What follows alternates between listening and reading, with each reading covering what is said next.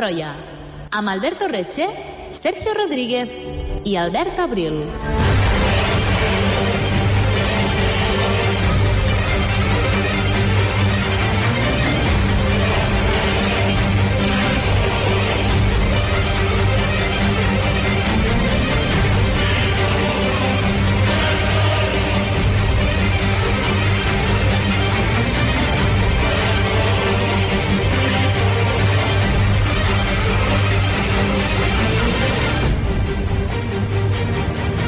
La humanitat està contínuament en guerra. De fet, els míssils i els tancs han tornat a les portes d'Europa recentment. L'exèrcit rus ha bombardejat ciutats i infraestructura civil ucraïnesa. S'han trobat sales de tortura i desenes de cadàvers amb mostres evidents de sadisme. Tropes ucraïneses s'han gravat a si mateixes executant presoners russos desarmats. La barbària i les atrocitats són inherents als conflictes armats. Per molts, la guerra és un crim. No obstant això, al llarg de la història han, existit, han existit molts intents de regular els conflictes perquè fossin més humans. Des del concili de Laterà II al segle XII, amb la prohibició de les ballestes i les treves de Déu, fins als convenis de l'Haia i de Ginebra, que se segueixen ampliant encara als nostres dies. Existeix una forma legal de fer la guerra? Es pot parlar de guerra justa? O més aviat, crims de guerra és una expressió redundant? Avui, a les portes de Troia, mirarem de posar llum a aquestes reflexions sobre la justícia. Benvinguts a la història dels crims de guerra, benvinguts a les portes de Troia.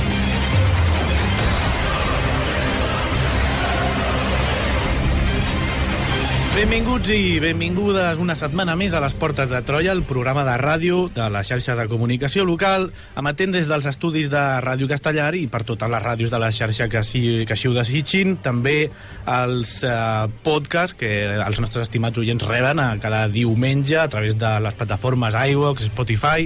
Aquesta setmana, com anunciàvem a la introducció, per parlar de la història dels crims de guerra. I ho farem amb el nostre historiador de capçalera, eh, Albert Abril, benvingut. Hola, com anem?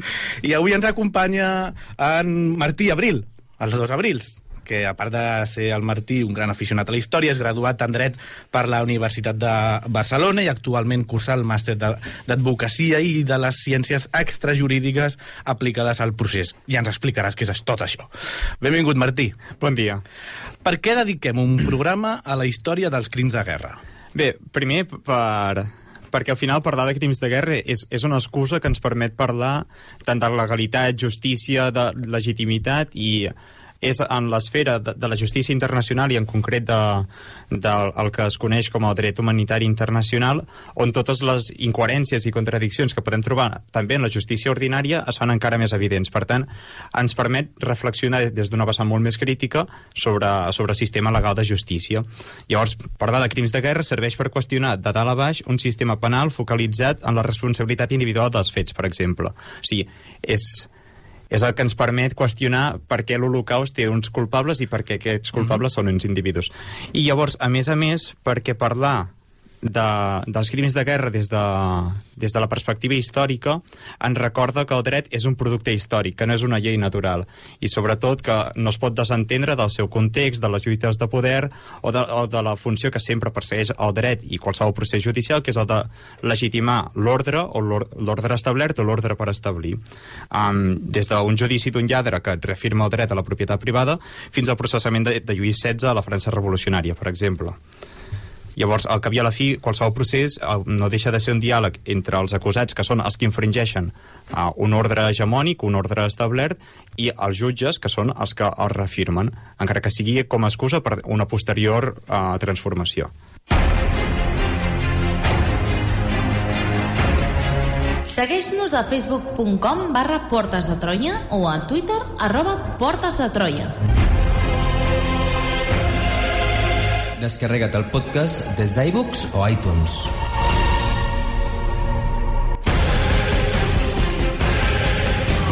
I descobreix tots els continguts del programa a la nostra pàgina web www.portesdetroia.cat.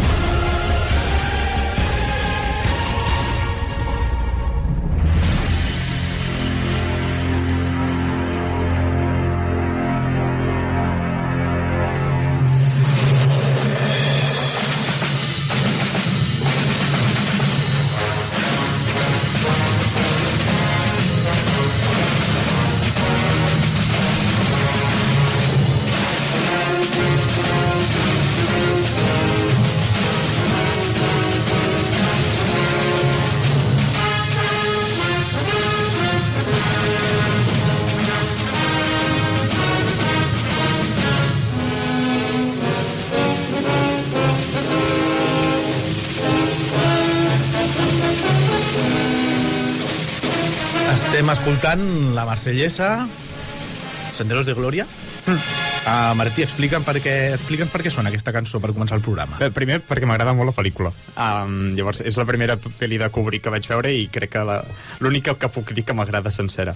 I encara que no vagi de crims de guerra, sí que va d'una altra expressió que és com un oxímoron, que és justícia militar, i llavors la pel·lícula en si és una crítica que és la justícia militar, que avui no parlarem de justícia militar, parlarem de crims de guerra, però són tots aquests conceptes que ens anem inventant i que o són o redundàncies, com crim de guerra, o que són um, oxímorons com intel·ligència militar, uh, justícia militar i totes aquestes coses. Molt bé, veiem que el programa d'avui s'assembla una miqueta a una xerrada d'Arcadi Oliveres. Que el cel sigui, perdó. Fa, que sempre fa la seva llista de... Bueno, feia la seva llista d'oxímorons.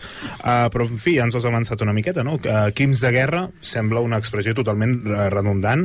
Uh, I la pregunta és, és aquesta. Eh? És una expressió redundant i, sobretot, si existeix una guerra legal o una guerra justa i si una guerra sense crims és real, és possible. Clar, jo crec que... Bueno, jo, i suposo que tothom, creu que, creiem que termes com justícia o legalitat um, sempre cal anar en compte. És a dir, no existeix una neutralitat abstracta des de la que puguem afirmar dogmàticament que una cosa és justa o injusta. No cal, no cal anar a coses tan transcendentals com són els crims de guerra. Um, en la lluita per l'habitatge, per exemple, ocupar un immoble buit és injust, evidentment és il·legal, però afirmar si és just o injust des d'on ho pots fer, això? O robar el Mercadona, si tens necessitat, està malament? Fer volar pels aires a Carrero Blanco o penjar cap per avall a Mussolini va ser legítim? Són coses que només la història al final pot jutjar. Llavors, sempre dependrà de, del marc en el qual ens movem, ja sigui la legalitat, la, un ideal de justícia determinat o la idea de transformació social. La moral, al cap i a la fi, no deixa de ser una, una convenció social que és, és maleable i que, a més a més, està contínuament en transformació. Um, de fet, per mi, i molt probablement per tots aquells que no traiem beneficis de les guerres, la guerra és el crim en si. Um, per alguns altres és un negoci. Però, per tant, sí, la, crims de guerra és una expressió redundant. L'assassinat indiscriminat, les tortures o les deportacions són inherents dels conflictes bèl·lics. Um, aleshores, al llarg de la història, o sigui, malgrat que siguin inherents i malgrat sempre um, hi hagi atrocitats en els conflictes armats, al llarg de la història han existit moltíssimes experiències d'intents de convertir-les en més humanes, en fer que les guerres no siguin tan, mm, tan bàrbares, per dir-ho d'alguna forma. Independentment del seu resultat, que no és gaire exitós, com, com podem veure gairebé cada dia, um, es tracta de construir una moral internacional per reduir aquesta barbària en els conflictes i en base a aquesta moral jutjar els criminals de guerra, és a dir, es tracta d'individualitzar la responsabilitat dels conflictes armats com si no responguessin a dinàmiques estructurals de sistema imperialista. Uh -huh. Molt bé, fet aquest petit pròleg al programa d'avui i necessari també per situar els termes en els que ens mourem, el fet és que avui parlarem de la història dels crims de guerra. Explica'ns una miqueta més quin serà el fil del programa. És a dir, això, parlarem de dret, de guerres i, i també de, de justícia o de legitimitat. Um, intentarem entendre, si és que es pot, perquè jo encara no ho he fet, quina és la moral internacional que determina què és un crim de guerra i què no ho és. Um, parlarem de, des de butlles papals fins a conferències internacionals, els processos de Nuremberg o la creació de la Cort Penal Internacional. I si tenim temps, que és una cosa que, que m'interessa moltíssim, fa tot just tres setmanes o un mes ara, es va condemnar una senyora de 97 anys a Alemanya um, encara per haver sigut secretària d'un camp de concentració. Interessant, que interessant. I, sí, com a curiositat, perdó, uh, la van jutjar amb 97 anys un tribunal de menors, perquè en el moment que ja estaven fent de secretària tenia 18, 18 anys, anys. i al tercer Reich la majoria d'edat era als 21 anys. I la van jutjar això fa un meset. A una senyora de 97 anys, un tribunal de menors. Sí, és, és sí, fantàstic. En fi, uh, i per comentar, ai, per començar aquest recorregut que ens has exposat ara, és imprescindible definir el, el cor del programa, no? Què és un crim de guerra?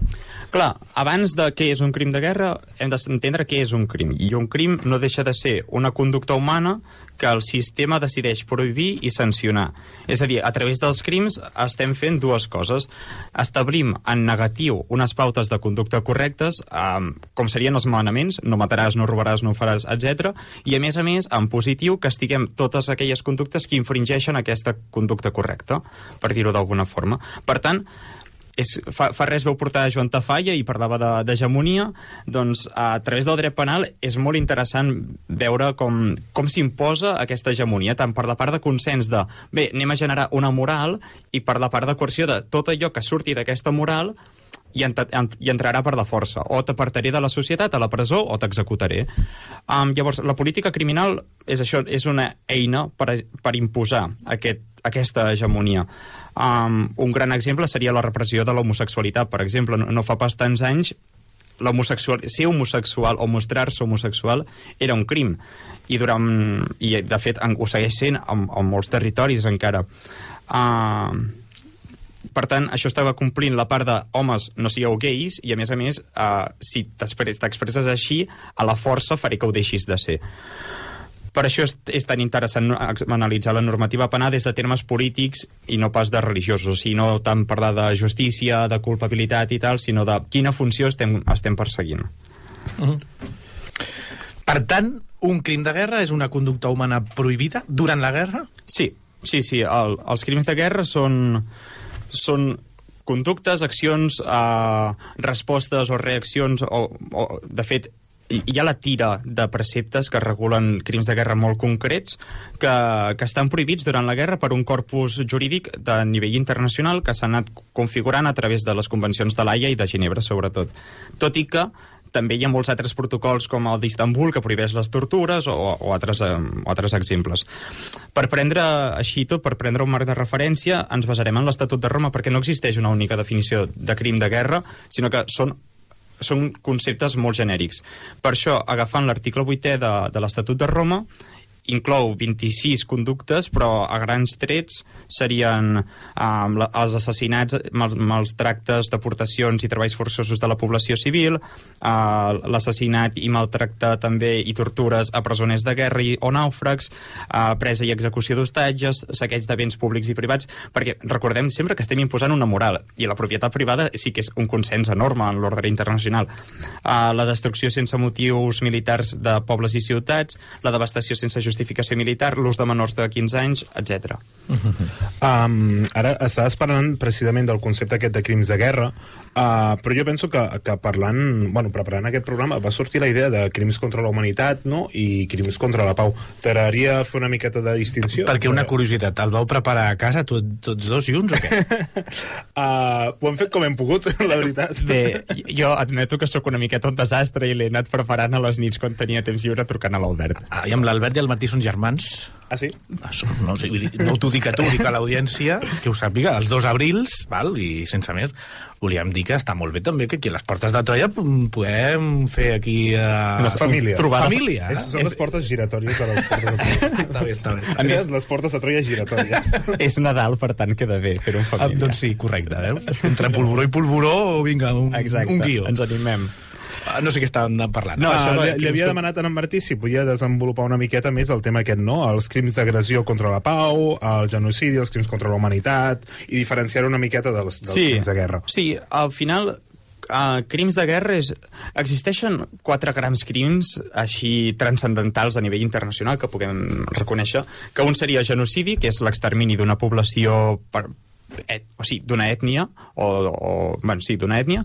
Llavors hi hauria els crims de guerra, que és el que dèiem, de conductes prohibides expressament a la guerra, que anirien des d'assassinar presoners indefensos, però també coses molt concretes com estan prohibides, per exemple, les bales que a l'entrar al cos s'inflen, o com la prohibició de determinats projectils o d'armes químiques, o, o temes com molt més concrets. Llavors, també hi hauria els crims contra la humanitat, que serien deportacions, exterminis, violacions sistemàtiques, etc, però que s'han de donar en ocasió d'un crim d'agressió, que els crims d'agressió, o també coneguts com a crims contra la pau, són complots o conspiracions per alterar l'ordre mundial. Que, I així és com ho podem dir a les persones que, enten, que tenim una visió crítica dels crims de guerra perquè um, tot allò que... O sigui, un extermini de la teva pròpia població, si no altera l'ordre mundial, potser no es considerarà crim de guerra. Això ho anirem veient quan parlem sobretot de Nuremberg o de la jurisprudència que anat creant. Molt frívol, això. És molt... La justícia sempre és frívola, per tant, sí. Molt bé. Uh, a Martí, quan va ser el primer crim de guerra?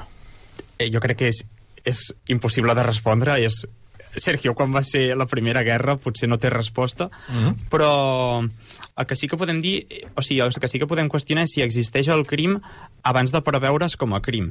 Perquè, per exemple, um, una de les garanties bàsiques del dret penal és que no es pot condemnar a ningú sense una llei prèvia, és el que coneixem l'ex prèvia, i, i per tant s'ha de pre... tu, com a ciutadà, has de saber que robar és un delicte i que si robes seràs condemnat. Però si tu no ho saps perquè robar no és cap delicte, no es pot considerar, no, no pots estar condemnat per això.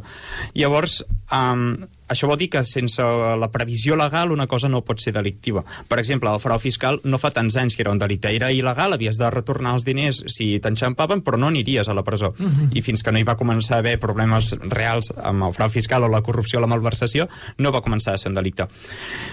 Però amb els crims de guerra o amb la justícia aquesta que dèiem tan transcendental, les coses, els marges de les garanties sempre són maleables. Per exemple, en els processos de Nuremberg es va haver de crear un corpus jurídic posterior als fets per poder condemnar els, els capitostos nazis.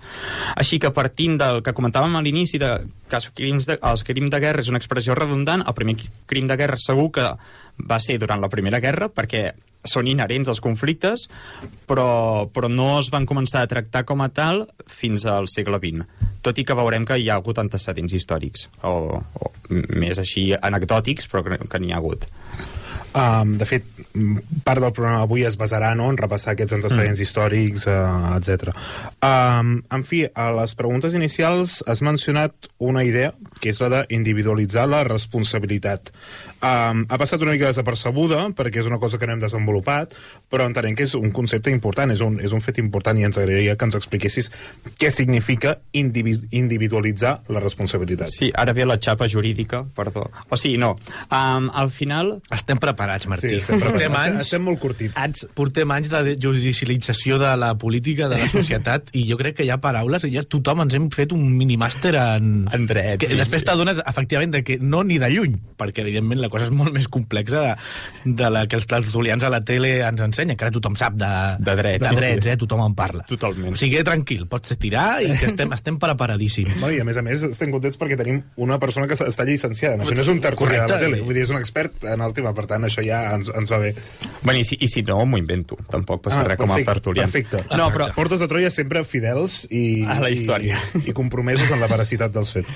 No, però al, al cap i a la fi, o sigui, nosaltres, la moral occidental, hem construït uh, la moral legal es basa en individualitzar la responsabilitat de, de les penes. És a dir, no es tracta tant quan hi ha un crim, o sigui, és, és un concepte que pot sonar molt tècnic, però en realitat és una cosa que tots coneixem. El nostre sistema no, no ataca les causes socials, econòmiques o estructurals de la delinqüència, sinó que es limita bàsicament a perseguir els autors, còmplices i inductors i a sancionar-los. Però en cap moment ens plantegem entendre ni acabar amb allò que els motiva a, a robar. I no només robar, perquè tots podem dir, vale, sí, evidentment els robatoris tenen una causa social, però la corrupció també té una causa estructural. O sigui, probablement el, sistema estatal i de mercat no funcionaria sense la corrupció, no funcionaria tan bé com està funcionant. Sinó, eh, ara mateix podríem treure a tots els corruptes de, de les empreses i de l'Estat que demà n'hi hauria d'altres, perquè complementen el sistema. La delinqüència no és una cosa aïllada, sinó que forma part de la societat. Um, per tant, podríem afirmar que, que l'objectiu de la justícia no és tant acabar amb la, amb la criminalitat, sinó que és tancar la presó o apartar de la societat els individus que la fan més evident.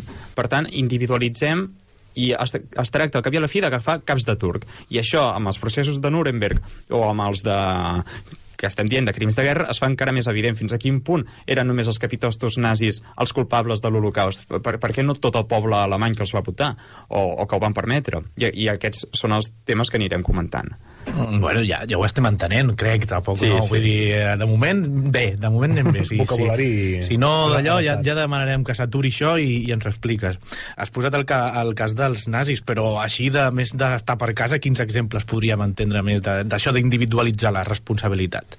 Això, eh, jo crec que el cas de, de robatoris o furs o els crims, el, els delictes que es coneixen contra el patrimoni són els més evidents, però i és això, mai s'atenen a les necessitats que han motivat el lladre a robar, però el mateix passa, el que dèiem, amb la corrupció o els tràfics d'influències o altres crims d'aquest estil que, que el que estan fent és complementar el sistema. Um, i, ja, I ja està. O sigui, al final és, és només que que sovint pequem de separar o d'entendre que la delinqüència és una subcapa de la societat que està per sota i que a nosaltres no ens afecta, però al final el, el mercat negre o el tràfic de drogues o totes aquestes coses es- formen part del nostre dia a Són dia. un engranatge més. Exacte. No? Són un engranatge més i tentim entendre'ls com una cosa totalment externa Sí. i que, per tant, hem de, ho hem de, o sigui, hem d'atacar s'està atacant com la conseqüència del, Totalment. del sistema, no? no? No ens estem centrant en l'arrel, no? Això d'arrencar d'arrel un problema, doncs l'únic que estem fent és retallar-li les fulles, Sí, no? En sí, comptes d'anar, vale, quin, quin és realment el problema? No, el problema és el sistema, per tant, utòpicament el que s'hauria de fer és canviar el sistema per corregir tot això. Hmm. No agafar les petites persones que, que per culpa del sistema han fet això, no? Bueno, per culpa o formant part de l'engranatge del sistema, com molt bé estàs explicant. Mm. Sí, sí, totalment. A les portes de Troia. La història a la ràdio. Descobreix tots els continguts del programa a www.portesdetroia.cat.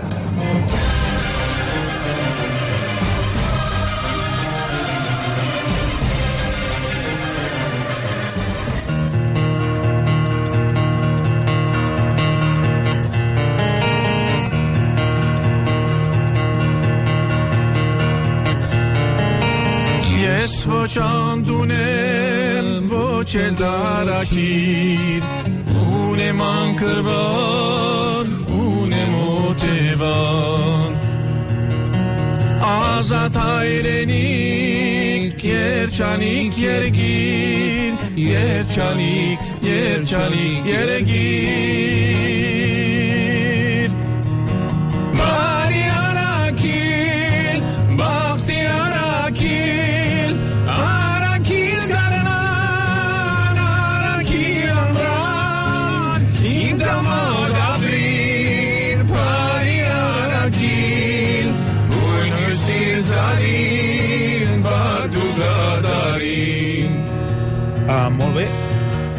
Estem escoltant la veu del famosíssim cantant de System of a Down, però fora del seu grup, no, Martí? Sí, és Serg Tankian, perdó, m'he hagut d'apuntar el nom perquè no sé com es pronuncia. Això dels I, eh, els noms serbis és normal que ens els haguem d'apuntar. I, sí, i tinc, dubte, tinc dubtes de... Sé que hi ha viscut molt temps a Sèrbia, però crec que la seva família és originària del Líban i Oh. aqu aquesta cançó l'està cantant amb el seu pare i al final és una cançó que està parlant molt de, de l'exili, de l'anel d'un país lliure, lliure de guerres, etc etc. I al final eh, sé que és molt fàcil posar de músiques de, com de Nuremberg o Pats of Glory o coses així, però al final és per recordar que els crims de guerra estan passant absolutament cada dia um, i no tan lluny. El Líban és un país mediterrani, per exemple, a Síria se n'han comès, se'n segueixen cometent i, i hi ha deportacions de milions de refugiats a Europa, cosa que és, evidentment, un crim que està regulat, però no està tenint cap mena de transcendència. Molt bé, doncs, eh, Martí, com relacionem el fet d'individualitzar la responsabilitat amb els crims de, amb els crims de guerra? Clar, allò que en la delinqüència comuna, um, encara que pugui ser una evidència, és molt complicat de- d'atacar, de, tots sabem que la, la, els robatoris tenen una causa social, però clar, és el que deia l'Albert, a vegades combatre-ho pot, sem pot semblar utòpic, com, com acabem amb la pobresa que acabi llavors amb, amb, amb els robatoris. En els crims de guerra, és el que deia al principi, es fa tot molt més evident, perquè fins a quin punt el... qui és el culpable d'executar els presoners? El soldat que dispara, el general que dona l'ordre, um, el venedor que ha venut les armes... Uh, o sigui, com que les guerres són sempre col·lectives, ja siguin entre estats, entre grups terroristes, i fins i tot um, no totes les guerres són de caràcter internacional, bueno, aquí ho sabem de, de sobres, i en una guerra civil també es donen crims de guerra, i bueno, ja parlarem de, de la situació d'Espanya més endavant, però, però és això, que, que individualitzar um, la responsabilitat en l'Holocaust, per exemple, és una cosa que van haver de fer tot un exercici jurisprudencial i de crear un corpus teòric del dret que fins llavors no existia. És a dir, és fort per la, el concepte jurídic de responsabilitat col·lectiva que avui s'aplica, per exemple, a bandes terroristes o a grups narcotraficants o, o a bandes de lladres, es va crear gràcies a les SS. Fins llavors no existia aquest concepte.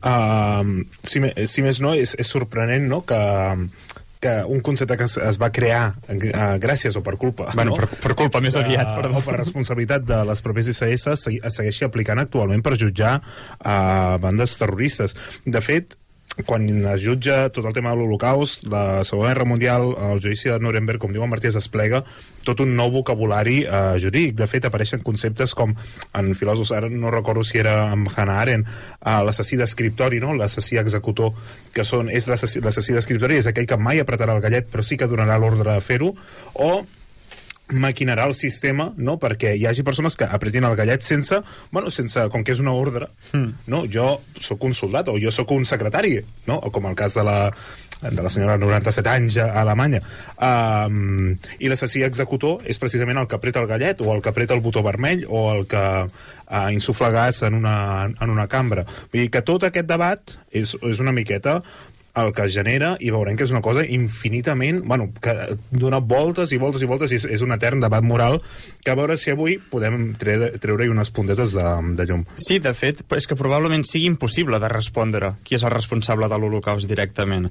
Llavors, um, quan, quan hem creat una justícia, un sistema legal basat tant en l'autoria, que això hi ha un autor alemany precisament que en, en ocasió dels crims de Nuremberg ho va desenvolupar molt bé, que és Klaus Roxin, ell, va, ell és com l'autor de, de la teoria actual de l'autoria, per dir-ho d'alguna forma. I... Um, bueno, això, que probablement no, no es pot determinar la responsabilitat i llavors, com que sempre hem ficat el focus en qui és el responsable, qui és el culpable, a vegades molts, molts processos eh, no, no seran satisfactoris o no tindran una resolució satisfactòria, sovint per la majoria de la societat. Um, llavors, avui veurem totes aquestes filigranes que tant el Tribunal de Nuremberg va haver de fer per poder condemnar els crims d'Alemanya, però no els dels aliats ni de la Unió Soviètica, o el precedent que va marcar la detenció de Pinochet el 16 d'octubre de 1998 a Londres, um, o altres uh, exemples de l'estil de la Cort Penal Internacional o de, o de altres tribunals ad hoc com el d'ex-Jugoslàvia. Hosti, quin merder es va liar amb lo de Pinochet, eh? Ara me'n recordo. Jo no havia nascut. Hòsties! Aquest cop. No, no me l'esperava, aquesta no l'he vist Ah, venir. perdó, va ser el 98 Va i ser el soc 98, del no? 99. És sí. 99, eh? Es va liar, es va liar pardíssima. Molt bé, doncs eh, reprenem eh, el fil una miqueta, ara sí, des del punt de vista històric, eh, agafant una miqueta els primers precedents o intents, en aquest cas, de regular les guerres. Quins serien, Martí? Clar, jo crec que um, un exemple molt casolà d'aquí, de, de casa, serien la, les assemblees de Pau i Treva, que vaig estar buscant perquè em sonava que teníeu un programa, però no ho vaig buscar, llavors no sé... N'hem parlat aquí de, Pau i Treva... A la Toliva... Sí, no? Sí, sí, sí, sí, ara, de poder 11. fa anys, eh, però sí. Sí, sí, sí, alguna Llavors, cosa hi ha. Al final, la, les assemblees de Pau i Treva no, eren, no, era, no deixaven de ser un intent de, de regular o de posar límits als conflictes armats. Um, però no, no tindrien una vocació més internacional, potser fins al concili de Laterà, dirigit pel papa Innocenci II, el 1139. Llavors, en aquell, en aquell concili es va reafirmar la, la importància d'aquestes assemblees, però una cosa molt interessant és que es va emetre una butlla papal que prohibia l'ús de les ballestes als exèrcits catòlics contra altres exèrcits cristians, per exemple. És a dir, es considerava que la ballesta era una arma massa mortífera per, perquè un humà la utilitzés contra un cristià.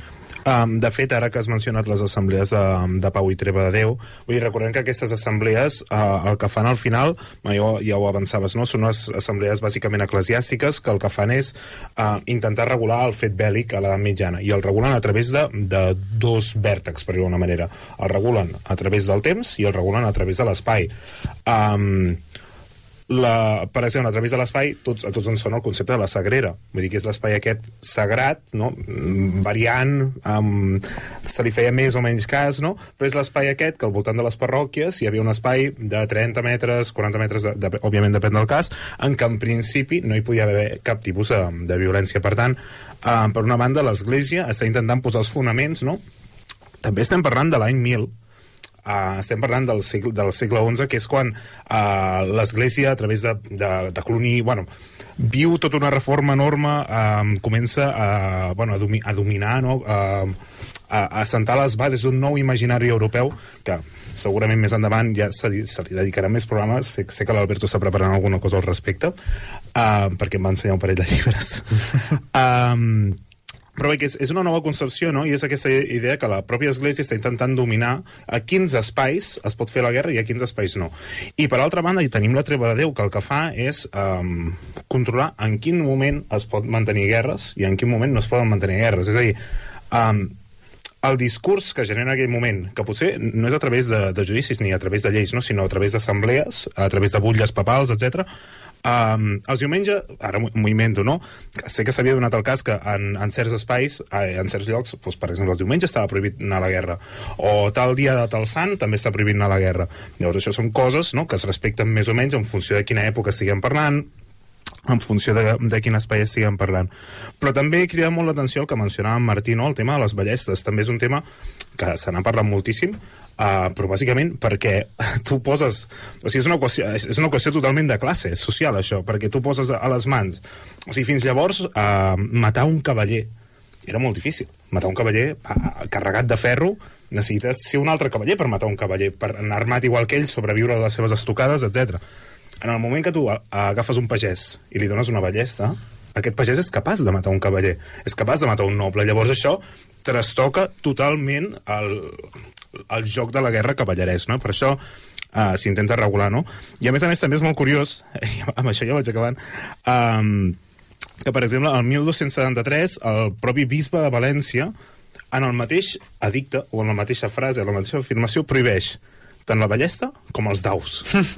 no? Perquè és un joc d'atzar, o sigui, no té cap mena de- d'honor disparar amb una ballesta, en aquest sentit. No, no el joc cavalleresc, que és el combat aquest mm. cos a cos, um, d'un cavaller contra un cavaller, un noble contra un altre noble, um, hi ha tot un component diví, hi ha tot un component d'orgull, un component de, bueno, de, de fama, de eh, cavalleresc, no?, en general.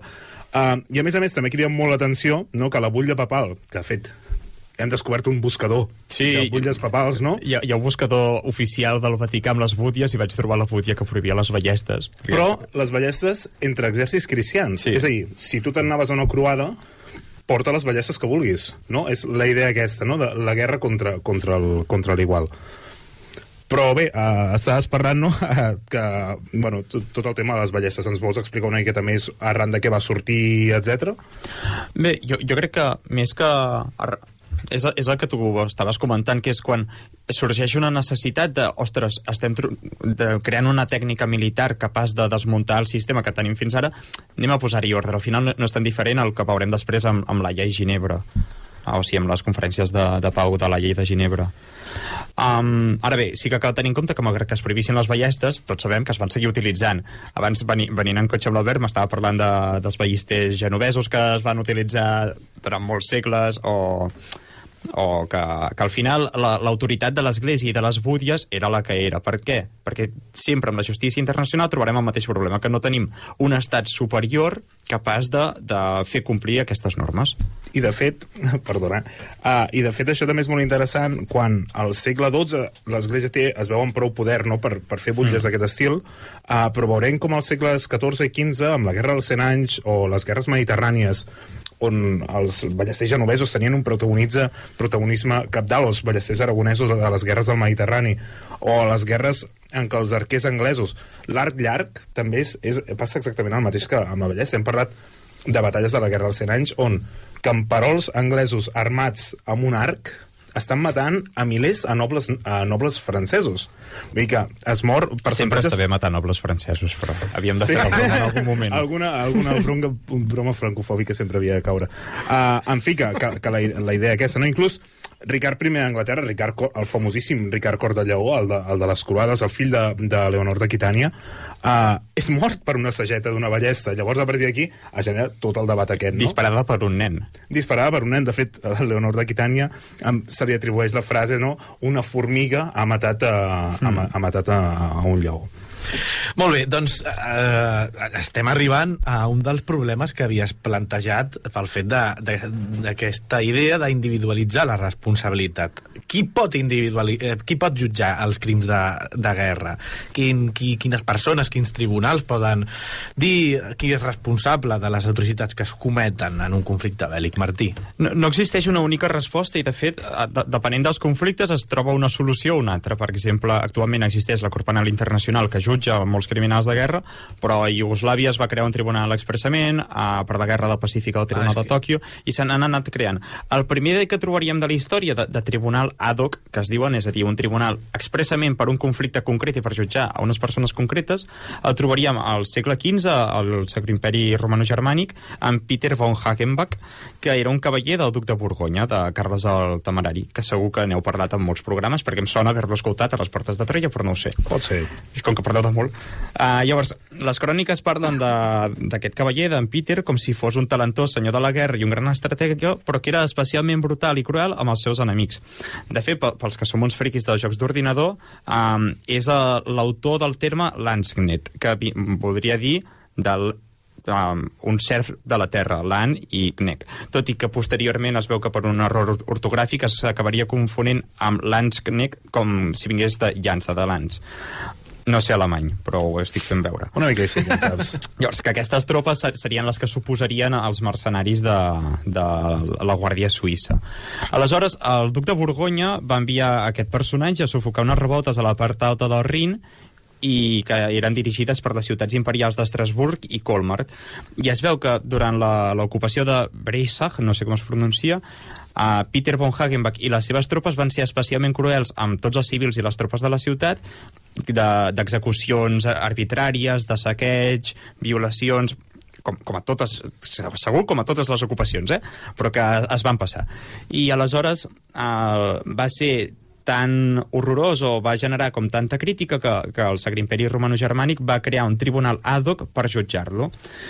I llavors, eh, finalment, se'l va condemnar i un butxí el va decapitar a Colmar i, de fet, eh, tant l'espasa com el cap mumificat d'en Peter eh, segueixen conservant al Museu d'Unterlinden, que actualment és l'Alsàcia francesa. Uh, molt bé, per tant, ja ens has presentat el primer criminal condemnat uh, per crims de guerra de, de la història. Um, què podem extreure d'aquest cas, Martí? A mi m'ha agradat molt estudiar aquest cas perquè les problemàtiques que va generar són les mateixes que seguim arrossegant i seguim sense donar resposta. De, la primera que comentava en Sergio de qui el pot jutjar. Es va crear un tribunal expressament per fer-ho. Això um, en la delinqüència comuna no passa per, a, per al dret a un jutge predeterminat per llei. O sigui, si tu ara robes, ja se sap qui et jutjarà. No es crearà un, un jutjat expressament per jutjar-te a tu. Aquest seria el, el primer, la primera problemàtica que s'intenta arreglar amb els tribunals ad hoc. Um, un altre dels problemes que va generar és la, tota la defensa de, de Peter von Hagenbach es va basar en la típica excusa que ens fem farts de sentir de jo només complia ordres. Mm. Llavors és, com ens ho fem per, en una cadena de comandament, qui és el responsable, qui no és responsable, el que estàvem dient abans de com ho individualitzem. I... Um, perdó, que m'he perdut. I, I això, com, com, com, concretem uh, aquestes, a, aquestes responsabilitats penals? I llavors, uh, finalment, el, el, el que seria el gran dubte i que encara no hem pogut, o sigui, que encara no hem generat prou teoria com, com per resoldre o que no hi ha prou consens és el que estàvem comentant abans de, de Hannah Arendt de, en els conflictes bèl·lics sempre hi ha a- aquestes atrocitats. Llavors, fins a quin punt una cosa és un crim de guerra o fins a quin punt és només guerra? Que és el que estàvem comentant a l'inici. De fet, és molt curiós, no?, perquè aquest, aquesta persona jutjada del segle XV, eh, com has explicat abans, està, organitzant els, ai, està utilitzant els mateixos arguments que molts nazis que van Sí, ser jutjats sí, sí. En, els, en els tribunals de, de Gutenberg. A les portes de Troia. Descobreix la teva història.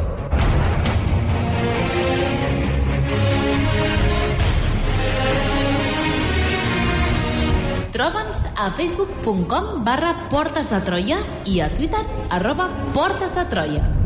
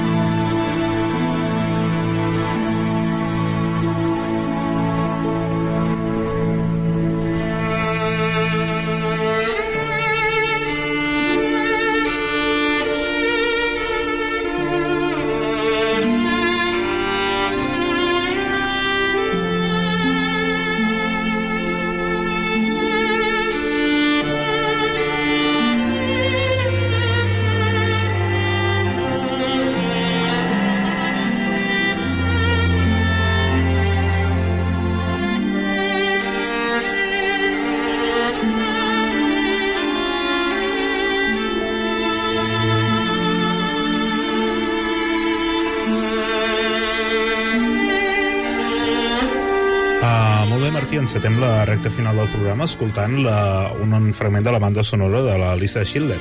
Ens vols dir alguna cosa amb aquesta cançó? De fet, els judicis de Nuremberg els hem anat comentant al llarg de tot el programa perquè encara que, que puguem parlar del concili de Laterà II o del judici de Peter von Hagenbach, mm -hmm. al final són antecedents però que són més aviat anecdòtics perquè no van generar un precedent que llavors s'hagi anat seguint.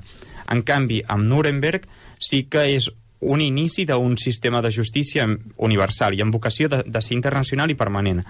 Llavors, els, les proble problemàtiques que dèiem que arrossegàvem de, del, de l'enjudiciament de Peter von Hagenbach, que al final serien aquestes tres de i com individu individualitzem la responsabilitat penal en el si d'una estructura organitzada com és un exèrcit o un regne, com, um, com hem de tractar l'excusa de jo només complia ordres i al, al final de qui pot jutjar els crims de guerra. Ells, el, tri- el Sacre Imperi Romano-Germànic, ho va resoldre creant tribunals ad hoc, però a Nuremberg vam fer el mateix, a ex-Yugoslàvia es va fer el mateix i a Ruanda es va fer el mateix, per exemple.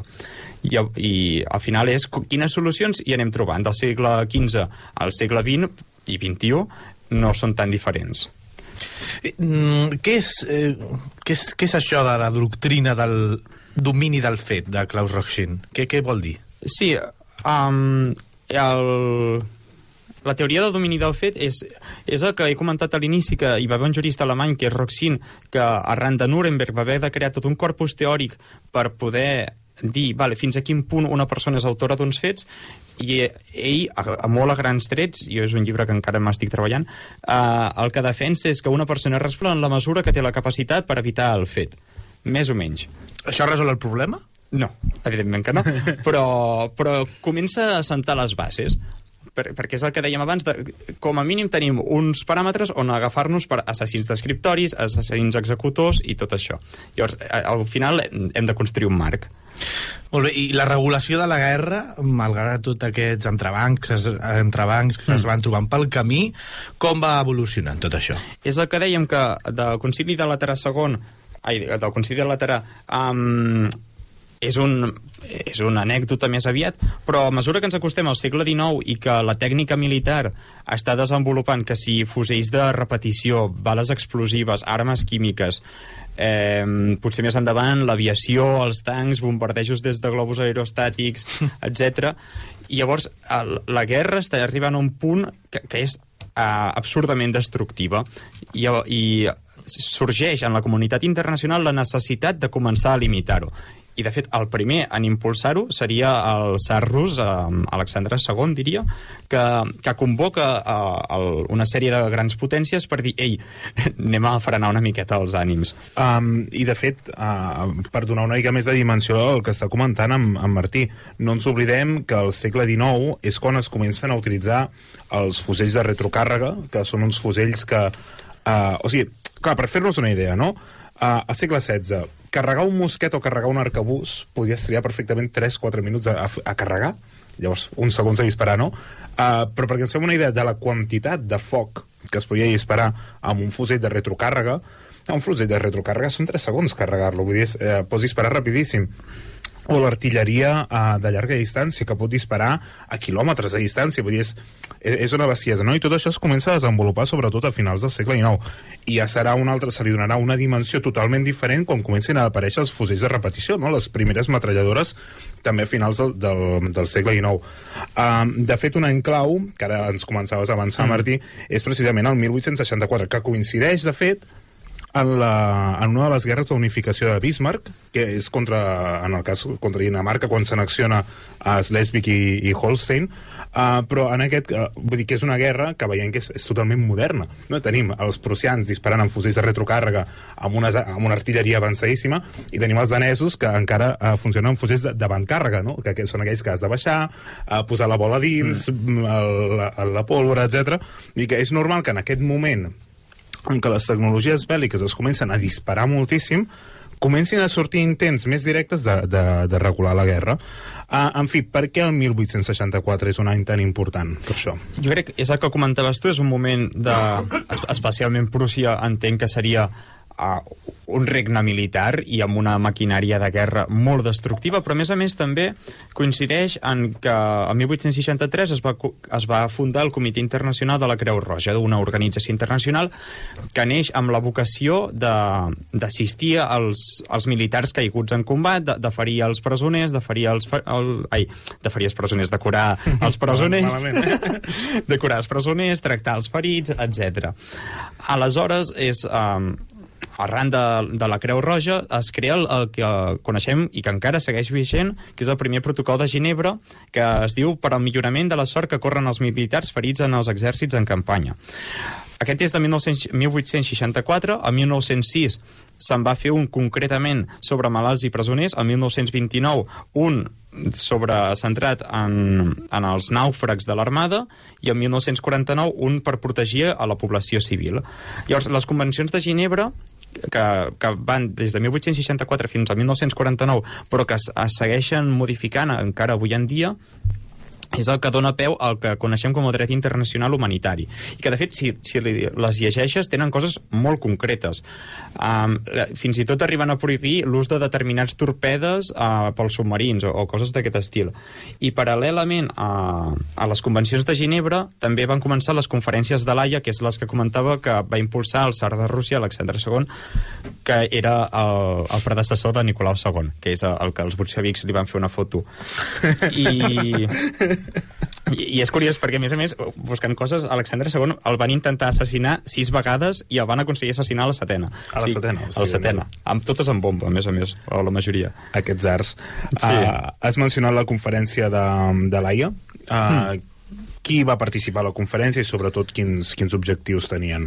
A la, la, a la primera conferència de l'AIA, que és del 1899, hi participen totes les grans potències occidentals del moment, des de Gran Bretanya, Rússia, Àustria, Prússia, Espanya, encara que ja no sigui una gran potència, o sigui, molts estats europeus, però també hi participa el Japó, Mèxic, l'Imperi Otomà, la Xina, Pèrsia o Siam, que, que ara seria una, una part del Vietnam, um, diria. Sí. Um, és a dir, són, són conferències on ja no es limiten a Europa, sinó que hi participen estats d'arreu del globus, excepte d'Àfrica, perquè està totalment colonitzada, i que l'objectiu principal de, dels promotors de la conferència era, sobretot, aturar la carrera del- armamentística que ja estava havent abans de la Primera Guerra Mundial. I, a més a més, eh, hi ha el primer intent de crear l'acord permanent d'arbitratge, és a dir, un acord internacional amb participació de tots els països signants que en cas de conflictes diplomàtics sempre hi intentés abans d'arribar a la guerra, una mediació, i que, a més a més, estava protocolitzada, o sigui, existien unes normes, unes regles, i hi havia una sèrie d'àrbitres um, que, que intentaven dirimir el conflicte abans d'arribar a la guerra. I ja per acabar, en els últims minuts que ens resten del programa d'avui, jo crec que eh, fa- et faré una pregunta que segurament molts dels nostres oients... De fet, jo me l'havia anotat per aquí i no sabia que la teníem aquí també preguntada. Algú no s'ha llegit el guió, algú no ha fet la feina. No, bueno, no potser feina. influeix que el guió l'hem acabat 10 minuts abans de... podria, podria ser això. Um, clar, tota aquesta regulació internacional, la Haia, Ginebra... Tot això serveix per alguna cosa? Encara avui dia es regula? Si no ho compleixes, et passa alguna cosa? Què, què, Clar, és a dir, des de que es va prohibir la ballesta, ha, ha, passat, ha servit alguna cosa, això?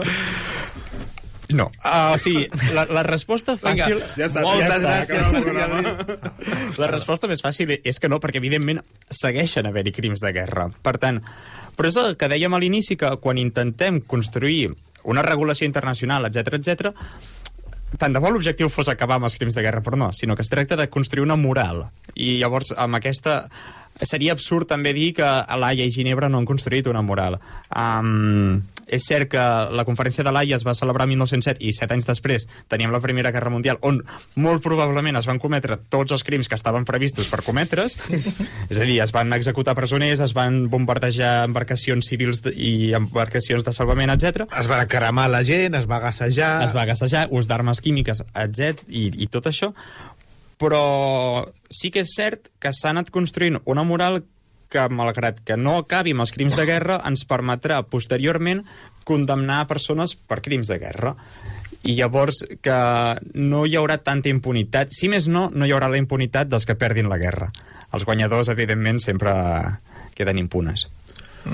Amb una bona reflexió per, per acabar aquí el programa, no, Sergio? Sí, i tant, no sé, jo penso que ha sigut un programa molt interessant, crec que ho hem entès tots fins aquí a nivell de llenguatge jurídic, eh? crec que ens movíem en un territori poder una miqueta diferent, Pantanós, sí, sí. Eh, però ens hem en sortit, no? relativament bé, sí, sí. Ja, i, i... Sí, bueno... Sí o no? Que el, el, el, el convidat es mira el guió com si... Sí, sí, no? Tu què creus? Sí, jo, jo perquè he sigut molt desordenat, però, però sí, sí. El comentari salsa rosa del programa. Què tal t'has sentit gravant un programa amb ton germà? tu, però tu què ets? Jo crec que... Jo, jo crec que a vegades quan tenim converses així de sobre taula amb els meus germans pod- podríem tenir micròfon i quedaria algun programa xulo Hosti, també. molt interessant, perquè- això, eh? Ah, doncs mira, som podeu uns el, el, el, pod, el podcast dels Abril. És molt mala idea. Molt, És molt, molt mala idea. Hi ha coses que no han de sortir. No, exacte. en Bé, tot- Acabaríem tots en tribunals de guerra. Sí, segur. molt probablement. En tot cas, moltíssimes gràcies, Martí Abril, per venir aquí avui a explicar-nos la història dels crims de guerra. Espero que t'hagis sentit com a casa. I ja saps que, que pots venir quan vulguis a parlar d'aquests temes tan interessants que sobretot jo penso, des de, des de la meva humil opinió, que ens posen una miqueta de llum i ens deconstrueixen alguns aspectes que sempre ens venen massa donats per dalt i, i, i a vegades cal no? fer aquesta mirada mm. que ens, ens realment ens, ens dona llum, com deia al principi del programa, i ens ensenya que les coses no són realment com sempre ens diuen que són. Així que moltes gràcies, Martí, per venir. I a vosaltres saps per convidar-me, Que, vinga, totalment. que vinguis quan vulguis. Albert Abril, gràcies també per, per venir avui. A vosaltres, moltes gràcies. A l'Adrià Tira del control tècnic i qui us parla, Sergio Rodríguez. Nosaltres us esperem la setmana pròxima amb un nou episodi de Les Portes de Troia.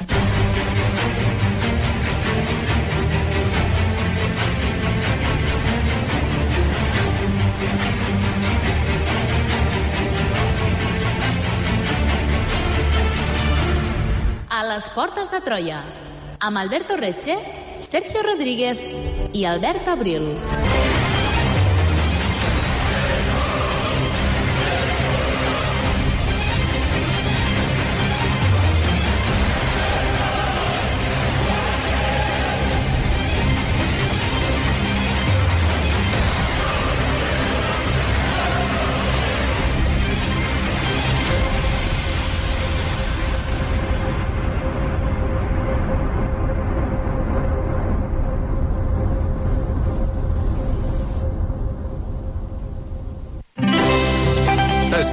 Ràdio Seu on i quan vulguis. Entra a l'apartat de ràdio a la carta de la nostra pàgina web i tria allò que més t'interessa de la nostra programació. Els informatius, les entrevistes, els programes musicals, culturals i esportius, la programació especial... On i quan vulguis, Ràdio Seu. A la carta des de la nostra pàgina web radioseu.cat.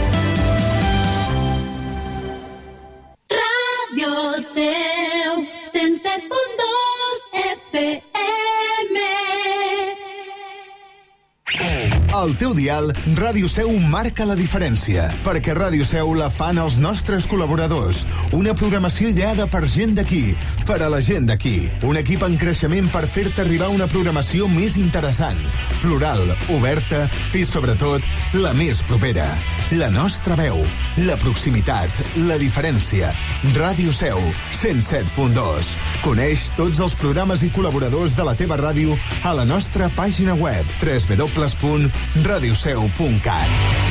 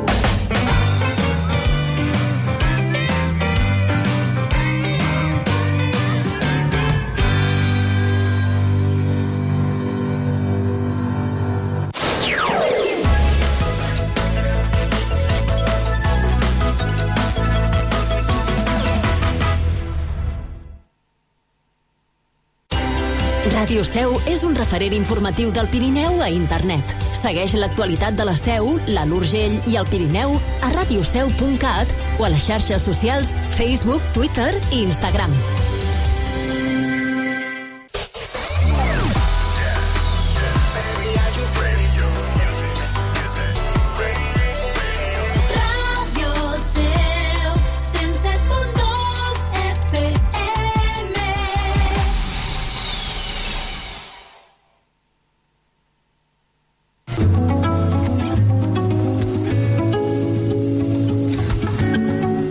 Fins aquí la programació pròpia de Ràdio Seu.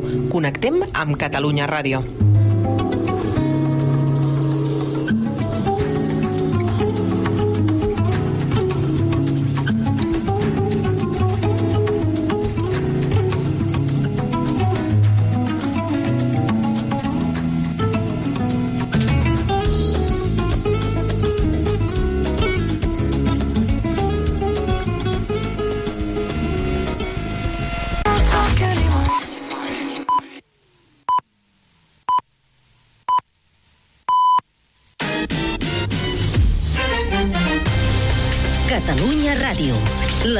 надежда.